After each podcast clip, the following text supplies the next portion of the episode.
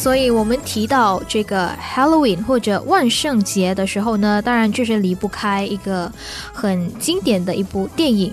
电影的名字呢，也是叫做 Halloween。当中的最经典的人物呢，就叫做 Michael Mayer。他是一位连环的杀手，所以呢，他呢是专门每到万圣节当天。就是会出来杀人了，所以呢，它是一部 thriller 的一部电影了。所以呢，有兴趣看的话呢，就是可以去看，因为呢，现在在我们棉兰的电影院呢，也是有播放这部 Halloween 的电影，是今年二零二一年有重拍的一部关于 Michael Mayer 的这个电影了。那如果要去看电影的人呢，还是要多加呃注意了。在看电影的时候，还是可以就全场就戴上这个口罩，千万不要摘下来喽。然后呢，还有其中啊，不是其中了，就是另外一个还蛮经典的，呃，在 Halloween 当中的，也就是 Vampire 吸血鬼了。然后呢，记得也是在还蛮呃，就是久。就是很久了啦，就是有一部电影叫做《Dracula》，就是有说到的关于这个吸血鬼嘛，它的名字呢就是 Dracula，所以呢，呃。其实除了这部电影之外呢，还有一部动画片叫做《Hotel Transylvania》呢，当中的主角也是吸血鬼啊。那我们大部分呢，如果看到或者听到关于这个吸血鬼的形象呢，都是在动画片里面呢，要不然是在电影里的一些人物。但是有没有想过，这个吸血鬼啊，在我们的真实的世界当中有存在吗？那在现实生活当中呢，其实有一位叫做萨瓦萨瓦诺维奇。那据说呢，他是塞尔维亚的一位吸血鬼，就是他很出名了，就是来自于这个 Serbia 的吸血鬼。那据说呢，这位吸血鬼以前呃是住在。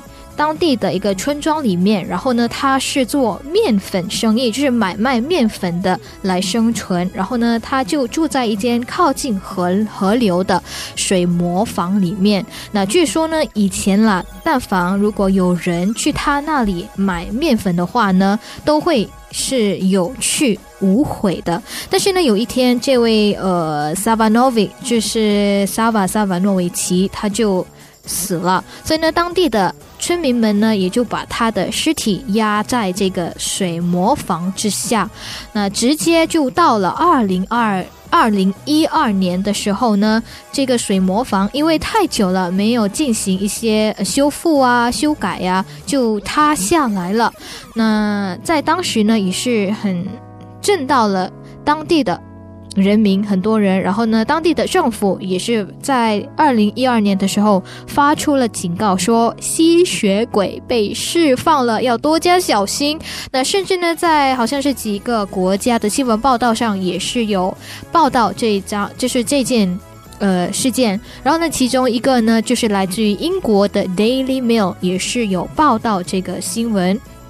因此呢，在二零一二年，在塞尔维亚当地的蒜，就是 garlic 的这个价格呢，都上涨了。因为呢，当地的人民呢，都抢着要去买啊，然后呢，就挂在自己的门口，因为就是人说嘛，吸血鬼就怕蒜，所以呢，来防备这位 Savanovic 呢，就他们要去买这个蒜了。那如果有兴趣想要多了解。关于这个 Sava Savanovic 的话呢，就可以上 YouTube 去找他的这个名字，然后呢就会有一些影片出来了。但是有一位就是他是也是去到，呃，有真的是去到他的家，然后呢有去探索。